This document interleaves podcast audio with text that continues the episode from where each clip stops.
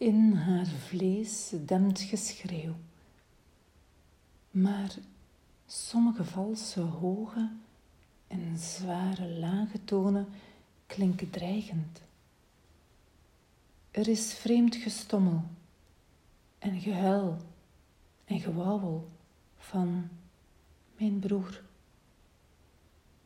Tussen de vleessculpturen is nog alles troebel.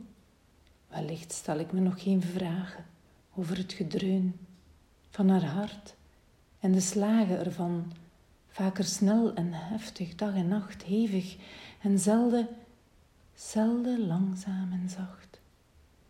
Haar donker, donkere moederhart en haar echo interfereren met mijn allang bange hart. In haar zilte nest bonst een scheiterig aanhangsel wachtend op verlossing, toch nog met verdomd veel blind vertrouwen. Gratis vertrouwen, ook na de geboorte. Ook als ik ongeacht het uur uit mijn groeislaap word gehouden met brommen op de achtergrond, dreigend en lelijk, als een op hol geslagen motor, altijd klagerig. Nooit rust tegen de buikwand, geen chillen in het waterbed. Heb ik daarom geen negen maanden uitgezeten? Genoeg oefening gehad. Het aanleren om de adem in te houden was natuurlijk. Bovendien werd ik alert. De verandering voelde duidelijk. Een lange haal gleed langs mijn wervel diep naar beneden. Ik voelde de liefde in toevalligheden.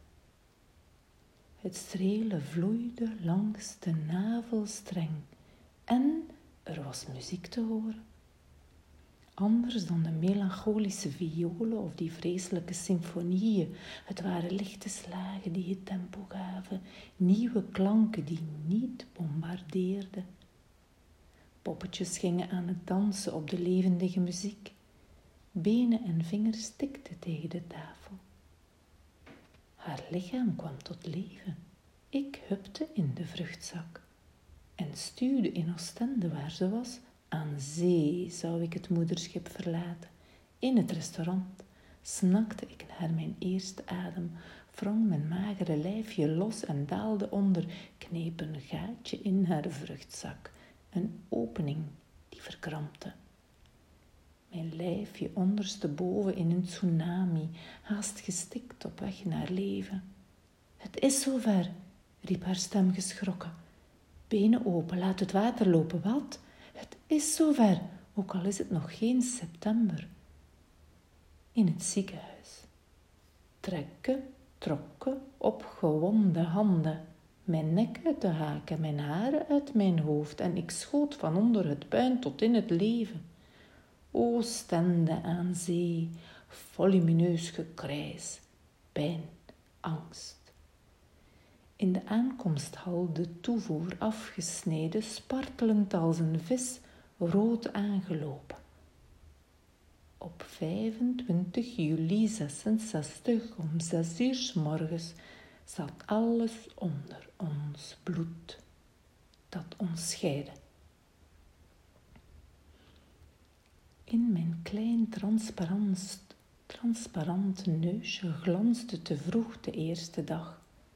Tenger lag ik in de zon, verlangde zo. Donkere, wazige gezichten tekenden zich af, een bende schaduwen tegen een te helder licht. Gedwongen in ontmoeting, iemand sloeg hard op mijn billen. Zie daar het eerste huilen. Vanaf nu hoorde ik bij hen. Heel even verdomde heimwee naar het natte, warme plekje in de waterzak. Alle begin zo moeilijk.